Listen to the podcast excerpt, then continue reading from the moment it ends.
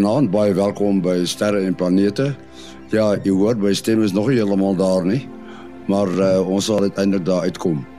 Ons gaste vanaand is natuurlik Lafra Smit wat gaan praat oor wat in Maart maand in die hemelruim te sien gaan wees. En dan het ons vir Willie Koorts en Mati Hofman. Wat 'n uh, interessante vraag. Hoe hoekom word die aarde aarde genoem? Ja, dis 'n vraag wat 'n mens amper nie oor wonder nie want jy word groot met die naam en en uh en jy dink amper nie eers daaraan nie. En uh as jy nou byvoorbeeld na die ander planete gaan kyk, dan dan sien jy maar hulle het almal Romeinse of Griekse name, hulle is ver, vernoem na die gode en uh en is almal in die in die mitologie en in uh as daar nou 'n nuwe een of iets ontdek word dan dan dan pak hulle hierdie mitologie mitologie verder uit met maandjies van van uh byvoorbeeld Pluto uh ensovoorts. Okay, Pluto weet ons is mos nog nie meer 'n 'n volle planeet nie, maar is 'n dwergplaneet. Maar mens mens dink dikwels nou waar waar kom die waar kom die naam aarde dan? Dan vandaan. Nou as ons nou baie ver teruggaan in die ou Engelse tale dan verwys dit na 'n woord en as ek hom nou verkeerd uitspreek met julle my my vergewe maar 'n uh, 'n woord wat 'n uh, die orth is die orthe en en en uh, wat ook na die Anglo-Saxon woord erta uh, uh, verwys en dit het natuurlik nou in baie val veral van die Germaanse na uh, uh, tale uh soos erde in in in Duits en in aarde in Afrikaans en en en in in in Nederlands. Um en die en die naam is is nog soort van steeds steeds met met ons. En um uh die Romeine uh, het natuurlik nou ook uh ook hulle uh, hulle woord gehad uh mundus en en uh dit speel weer uit in in Frans en Spaans vir vir aarde deesdae. Ek gaan liewer sê probeer die woorde uitspreek nie. En en die Grieke ehm um, het het weer hulle is mos nou van die eerste mense wat uitgewerk het die aarde is is is is rond en nie en nie plat nie. Want onthou reg toe hierdie name uitgedink is wa, was die die geloof nog dat die die aarde plat is en en stil staan op fondamente ensovoorts. En en die die Grieke het toe die woord orbis uh gebruik. Die ander woord vir aarde wat ons in baie woorde nog opgevang het is die is die woord terra uh so so terrestrial en extraterrestrial en um en en ons ons kry hom ook in in um in baie soort van kunsvorme en so nog vandag en selfs in in in Afrikaans. Maar uh, dit is nou net uh interessant dat dat hierdie hierdie woorde terra en orbis en mundus uh uh het eintlik half op die agtergrond geskuif uh ten ten koste van die woord aarde of earth wat dan in die in die meeste tale 'n soort van opgeteken is. Nou is interessant genoeg ek was uh, verlede week in Sutherland gewees en ek het daar saam met um, die Japaneese weer aan hulle kamera gewerk en ek is altyd gefassineer deur hulle skryfwyse en die uh, noem dit nou maar hieroglife want dit is mos nou eintlik Chinese karakters wat die Japaneese gebruik. Uh en hulle het vier karakterstelle of drie eintlik hoof uh insluitend die wat ons gebruik en dan het hulle die Chinese karakters en dan hulle 'n karakterstel wat wat um meer foneties is. So hulle kan eintlik enige woord, enige nuwe woord wat nie waarvoor daar nie 'n prentjie bestaan in hulle taal nie, kan hulle dan met dit skryf. Uh daar hang byvoorbeeld 'n springbok baadjie en ons wil glad nie weer dink aan die, aan die aan die losing wat Japan ons gegee het by die wêreldbeker destyds nie. En ek dink dis juist waarvoor want daar staan nogal sp eh, springboks springboks aan die een kant en dan in die in hierdie karakterstel in in hulle ander kant. En uh en toe sê die ou sy uh uh gunsteling uh, Chinese karakter is vir die son. En dis eintlik net so 'n blokkie met 'n streepie in die middel En toe verduidelik hy eintlik hoe dit gebeur het en hoe hy verander het met ter tyd. Dit was eers 'n sirkeltjie met 'n doetjie en en dan dink jy onmiddellik, "Wow, het die het die antieke mense geweet van sonvlekke?" En dit dit lyk so, want jy kan dit natuurlik kry wanneer jy deur wolke kyk na die son wat jy wat dit veilig is om jou blote oog te kyk na die son en en as daar groot genoeg sonvlekke op die son is dan dan kan mense dit met jou blote oog sien. Ek het dit ek het dit self al al waargeneem. So dit is net interessant hoe dit dan nou verskuif het oor die jare na die blokkie met die streepie deur. Uh uh dit lyk my die die sirkeltjie het eers uh, met die kolletjie die kolletjie na 'n streepie geword en toe die ding meer vierkantig geraak. En en toe wys hy ook vir ons die karakter daar, Chinese karakter vir die maan byvoorbeeld. En toe is ek nou onmiddellik geïnteresseerd nou hoe lyk die aarde se uh, se Chinese karakter of dan ook in Japanees. En interessant genoeg, dit is 'n woord. Dit is vier karakters. En die eerste twee beteken grond uh, uh of terra nou soos ons nou sopas ge, gepraat het. Uh uh, uh en die tweede beteken rond, 'n bal. en uh, so toe sou weer eens verbaas dat die dat die antieke Chinese het die aarde beskou as rond. So dit was net vir my nogal 'n baie baie interessante uh uh, geselsie met met uh, dit wys net vir jou hoeveel uh inligting is eintlik in taal vasgevang nê nee, en en dan ook natuurlik um allerlei ander in, inligting wat mense eintlik nie elke dag aan dink. Uh Mati, ons het nou die afgelope tyd oor baie ja asteroïdes gehoor of van baie asteroïdes gehoor wat uh, op die aarde beland het. Uh, dis eintlik dan uh, meteore wat dan uh, uh, meteorites geword het. So ehm um, hoekom hoekom is daar so baie deesdae maar uh, want dit gebeur mos gedurig. Uh, nee, ja, mense sal met elke mooi donker uh, wolklose aand uh, sal mens meteore sien as mens uh, buite toe buite toe gaan en uh kom sê nou maar 'n halfuur daar spandeer en uh gereeld opkyk. Uh maar okay, wat mense dan nou vir jouself moet voorstel, jy sien nou 'n meteoor en dan kan jy nou op grond van wat jy geleer het uh aflei uh oomblik voor daardie uh meteoor nou daar deur die atmosfeer as 'n helder lyn uh, sigbaar uh, geword het, was dit 'n uh, stukkie klip of 'n klein asteroïde uh of selfs 'n uh, meteoroïde afhangende van uh, presies hoe groot hulle is. Uh maar wat nou merkwaardig is is dat omdat die mense al meer en meer na hierdie voorwerpe kyk onder andere om die vermoë te wel natuurlikheid wetenskaplike nuuskierigheid maar ook onder andere om die vermoë te ontwikkel om betyds voorwerpe wat met die aarde sou kon bots en 'n uh, gevaar inhou te kan waarneem. Uh nou het dit al uh, blykbaar 7 keer gebeur dat uh, sterrekundiges in hierdie gereelde waarnemings 'n uh, 'n asteroïde ontdek.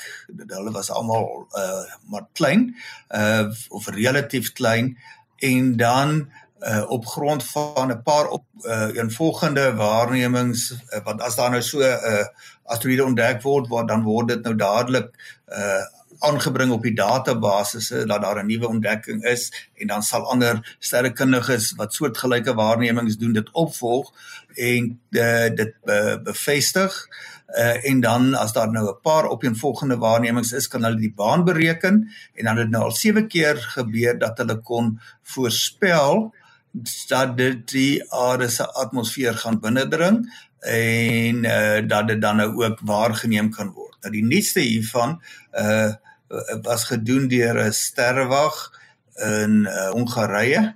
Nou ons het eintlik taalkursusse noem geneem om al hierdie name te kan uitspreek. Dit is die as ek nou maar probeer Pitsikistetu Observatory, sterrewag in Hongarye en die sterrekundige wat die waarnemings gedoen het is Christian Sarnecki met 'n 60 cm Schmidt teleskoop. Ehm um, ja, so dis 'n redelike groterige teleskoop. Binne net 60 minute daarna uh het 'n uh, ander sterrekundige uh in Kroasie dit bevestig en so is 'n hele aantal verdere metings geneem en hulle het toe kon voorspel dat dit uh, na ongeveer ja, na 7 ure se waarnemings dat dit op 'n bepaalde tyd ehm um, die uh, uh hier uh, uh, op 12 Februarie uh hierdie jaar dan die atmosfeer daar bo uh, uh Frankryk sou binnendring. En dit het inderdaad daartoe gebeur en dit is waargeneem die vuurbal wat daarmee uh, geassosieer was. Dit was 'n groot vuurbal want hierdie voorwerp het hulle beraam was so 1 meter groot uh, en dit is waargeneem natuurlik uit uh, Frankryk veral die suide van Frankryk. Dit hang nou maar waar mense paraat was. Uh, Duitsland die suide van uh, van Engeland. Ehm um, België so dit is wyd waargeneem. Uh, wat nou belwarig is toe dit nou waargeneem is uh en daar was nou hele kloppie waarnemings waar uit 'n mens dan nou kan bereken. Weet in watter rigting het die mense dit waargeneem en wat presies hoe laat uh in watter rigting dit beweeg en as jy dit nou mooi op 'n kaart gaan aandui dan kan jy gaan kyk in 'n sekere gebied of daar nie dalk voorwerpe uh geval het nie. En inderdaad het 'n uh, 18-jarige uh uh amateursterrekundige wat nou 'n stoppertjie daarvan maak om meteoriete te gaan soek, het toe 'n brokstuk 'n vars brokstuk van hierdie bepaalde uh meteoor was eers 'n asteroïde, toe word hy 'n meteoor en toe is nou 'n stukkie daarvan, ten minste een stukkie het toe nou 'n uh, 'n uh, meteoriet daar op die aarde gelaat. Dit en uh, die net uh, om te noem die hele event word na verwys as 2023 20CX1. Ek weet nou nie hoekom nou jy's daardie kode bygekry het nie. Uh miskien kan uh, Willie daarso uh, aanvul. Op die volgende waarnemings wat die een by die ander aansluit en uh kom ons kyk of ek nou ja hierdie uh bes daarom sy naam noem want dit is baie werk om so meteoriete gaan soek. Die 18-jarige uh vrywilliger uh het die naam Louis Leblanc. En hy werk in 'n groep uh, wat dan nou ook onseker uh, bygestaan het in die proses.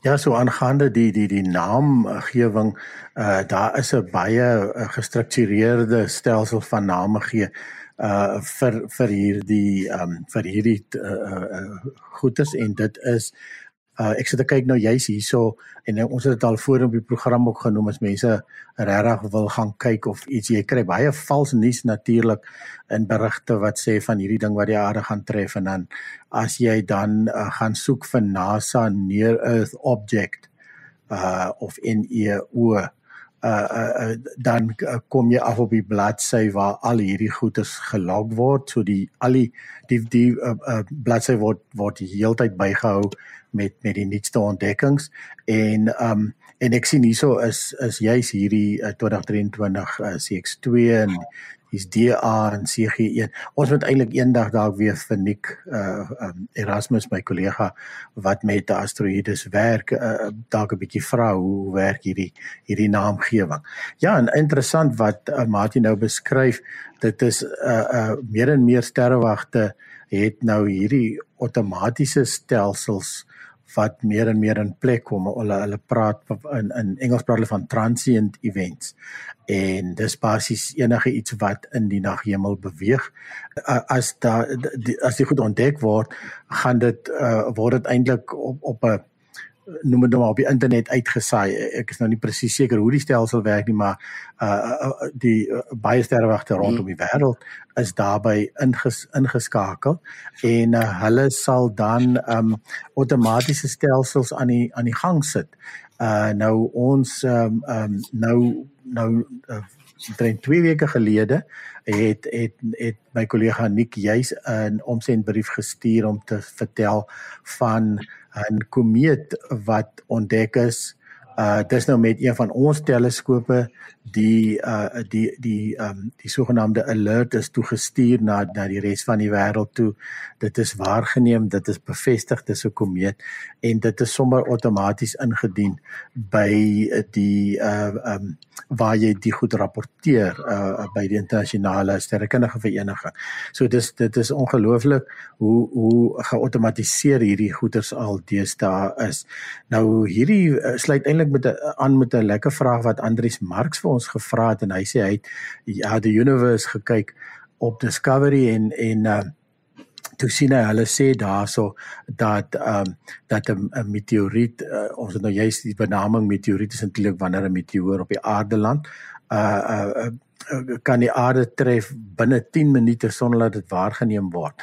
En ehm um, uh en en dan praat hy van dit kan selfs so groot soos 14 keer die krag van Hiroshima uh Hiroshima uh, atoombom wees en um en hy sê daar word dan nou die wêreld vol navorsing gedoen op sterrewagte en en hy en hy vind hierdie hierdie baie ontstellend. So dan um het ek sommer so vinnig weer gaan kyk na Atlas. Die Atlas is natuurlik die projek wat uh, ons uh, al baie oor gepraat het wat wat ek en jy's Nik ook betrokke was wat ons in Sutherland gebou het en ehm um, dit is die sterwag uh, of dit is deel van vier teleskope reg om die wêreld wat dan nou juis kyk na hierdie goed wat die aarde mag tref.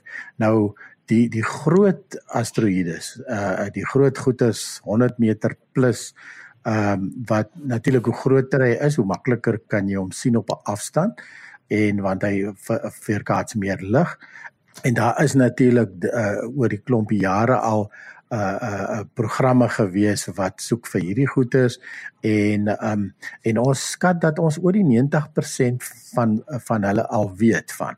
Nou uh um uh, uh, mense wonder altyd nou maar kan hy nie hier uit die donker op ons afgeslyp kom nie?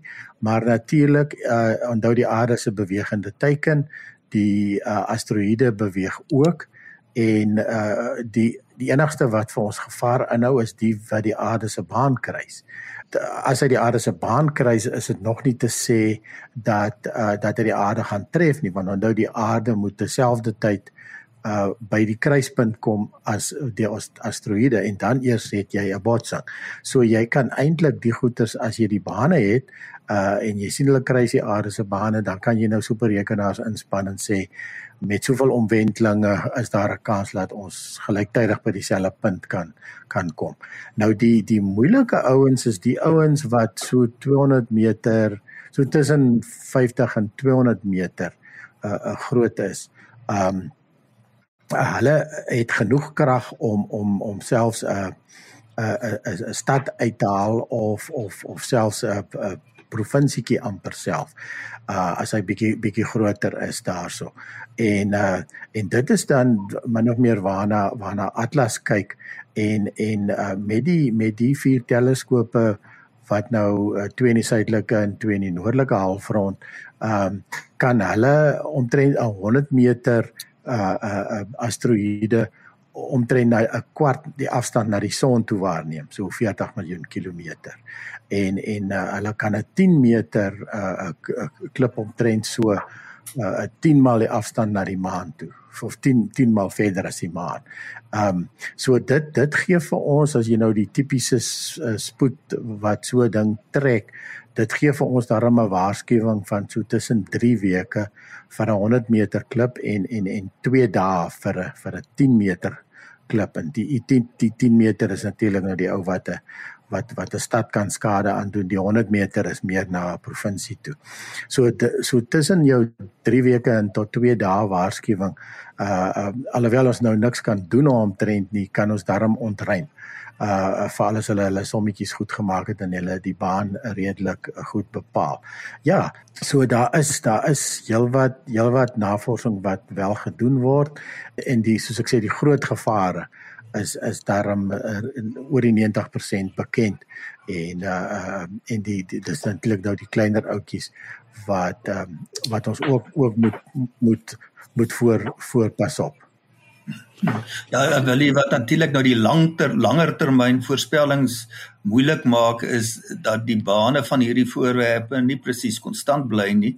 Ehm uh, want hulle hulle is klein en hulle as uh, een voorwerp naby ander uh, verby beweeg want hy 'n klein effek, maar 'n klein effek kan uh, oor 'n baie lang tyd 'n uh, groot effek hê uh, uh, in terme van die tyd wanneer iets kan gebeur. So byvoorbeeld die tyd wat uh die die uh, die tyd wat die voor waar die voorwerpe is wat moontlik kan bots onthou dit was natuurlik nou veral aan die aarde uh waar is daardie voorwerp in die baan wat met die aarde se baan kruis wanneer die aarde daar op sy baan is so om daardie tydsberekening te kan doen en sê hulle is op dieselfde tyd op daai selfde plek uh dit is baie moeilik oor 'n tydperk van uh van sê net maar baie maande na jare in die in die in die toekoms. So uh op die langtermyn sal hulle maar net uh gereeld die berekeninge moet opdateer. So hierdie voorwerpe moet gereeld waargeneem word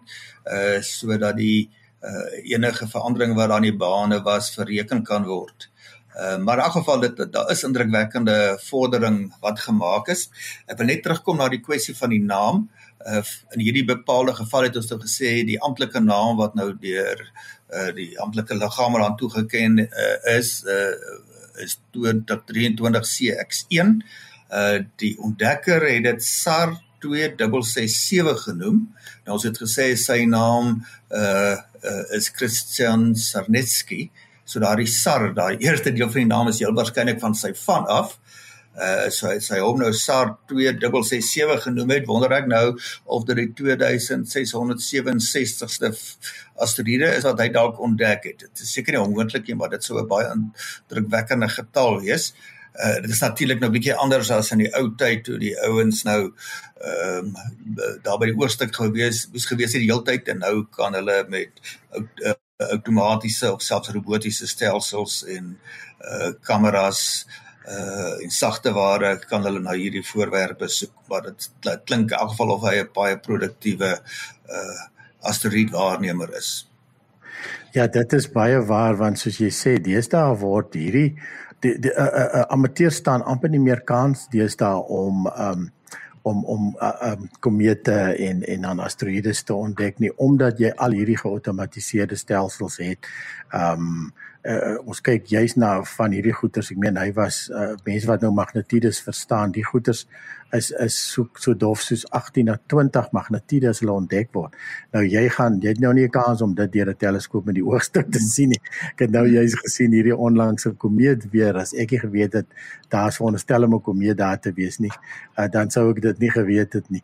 Um maar daar is 'n hele klomp aktiewe uh, persone en um en eh, as ek partymal so oor se skouer loer en hy kyk na die inligting van nuwe goederes en hoe die goed opgevolg word daar's 'n hele klompie mense wat baie aktief uh uh hierdie hierdie uh, uh kandidaat uh, uh, uh um voorwerpe uh, wat moontlike asteroïde of moontlike komete is uh, uh, uh sodra dit gepubliseer word dan doen hulle opvolg observasies en ek neem aan dit is so half sy persoonlike telling daai wat wat uh, wat vir my sê dit is een van hierdie baie aktiewe mense ja.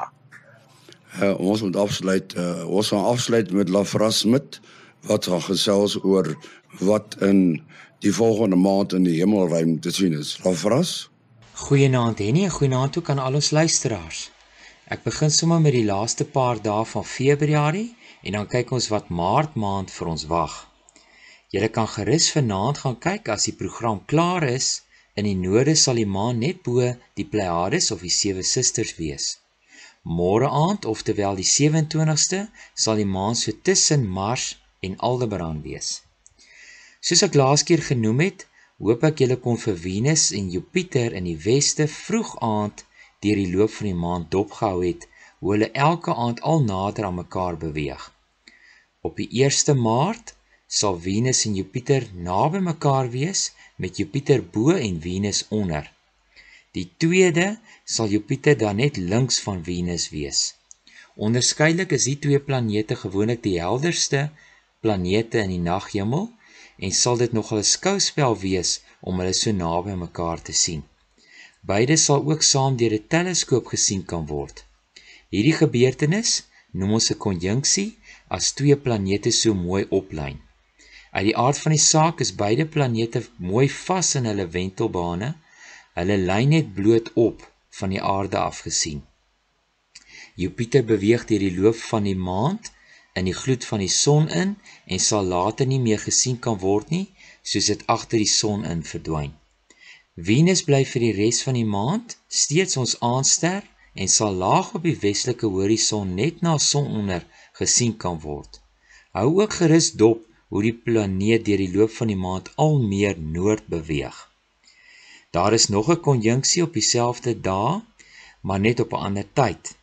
As jy weer vroeg in die oggende ooswaarts kyk, net voor die son opkom, sal Mercurius en Saturnus op die oggend van 2 en 3 Maart naby mekaar wees, laag op die oostelike horison. Mercurius beweeg in die gloed van die son in en Saturnus kom weer daaruit nadat dit vir die afgelope maand agter die son was. Saturnus sal dus vir die res van die maand vroegoggend in die ooste gesien kan word. Mars is nog steeds waar dit die afgelope tyd was, net so regs van die ster Aldebaran en die Pleiades vroeg aand in die noorde. Ek hoop almal kon komeet ZTF toe gesien kry. Indien nie, is dit nou ongelukkig neusie verby. Die komeet was toe nooit met die blote oog sigbaar nie en so in die omgewing van magnitude 6 toe dit op sy helderste was. Daarna het dit gou dowwer geword en kon toe slegs met 'n teleskoop of 'n verkyker gesien word. Die weeromstandighede het dit ook baie moeilik gemaak en met die baie bewolkte dae moes mens vinnig kyk so tussen die wolke deur. Dit is ook die tyd van die jaar wat Orion teen middernag in die weste sak terwyl die skorpioen in die ooste opkom. Dit gebeur in Maart maand as die son direk op die ewenaar skyn en dan weer omgekeerd in September as die skorpioen in die weste sak en Orion en dan in die ooste opkom teen middernag. Nou ja, dit is dan my storie vir hierdie maand. Relatief stil behalwe vir die konjunksies. So soos altyd lekker opkyk almal. Dit was dan 'n uh, lafras met uh, mate jou besonderhede. 'n Selfoonnommer 0836257154. 0836257154. En nou wat die?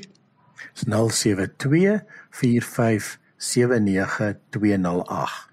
0724579208. En die program se e-posadres is sterreplanete@gmail.com. sterreplanete@gmail.com. Volgende week praat ons weer. Tot dan, mooi loop.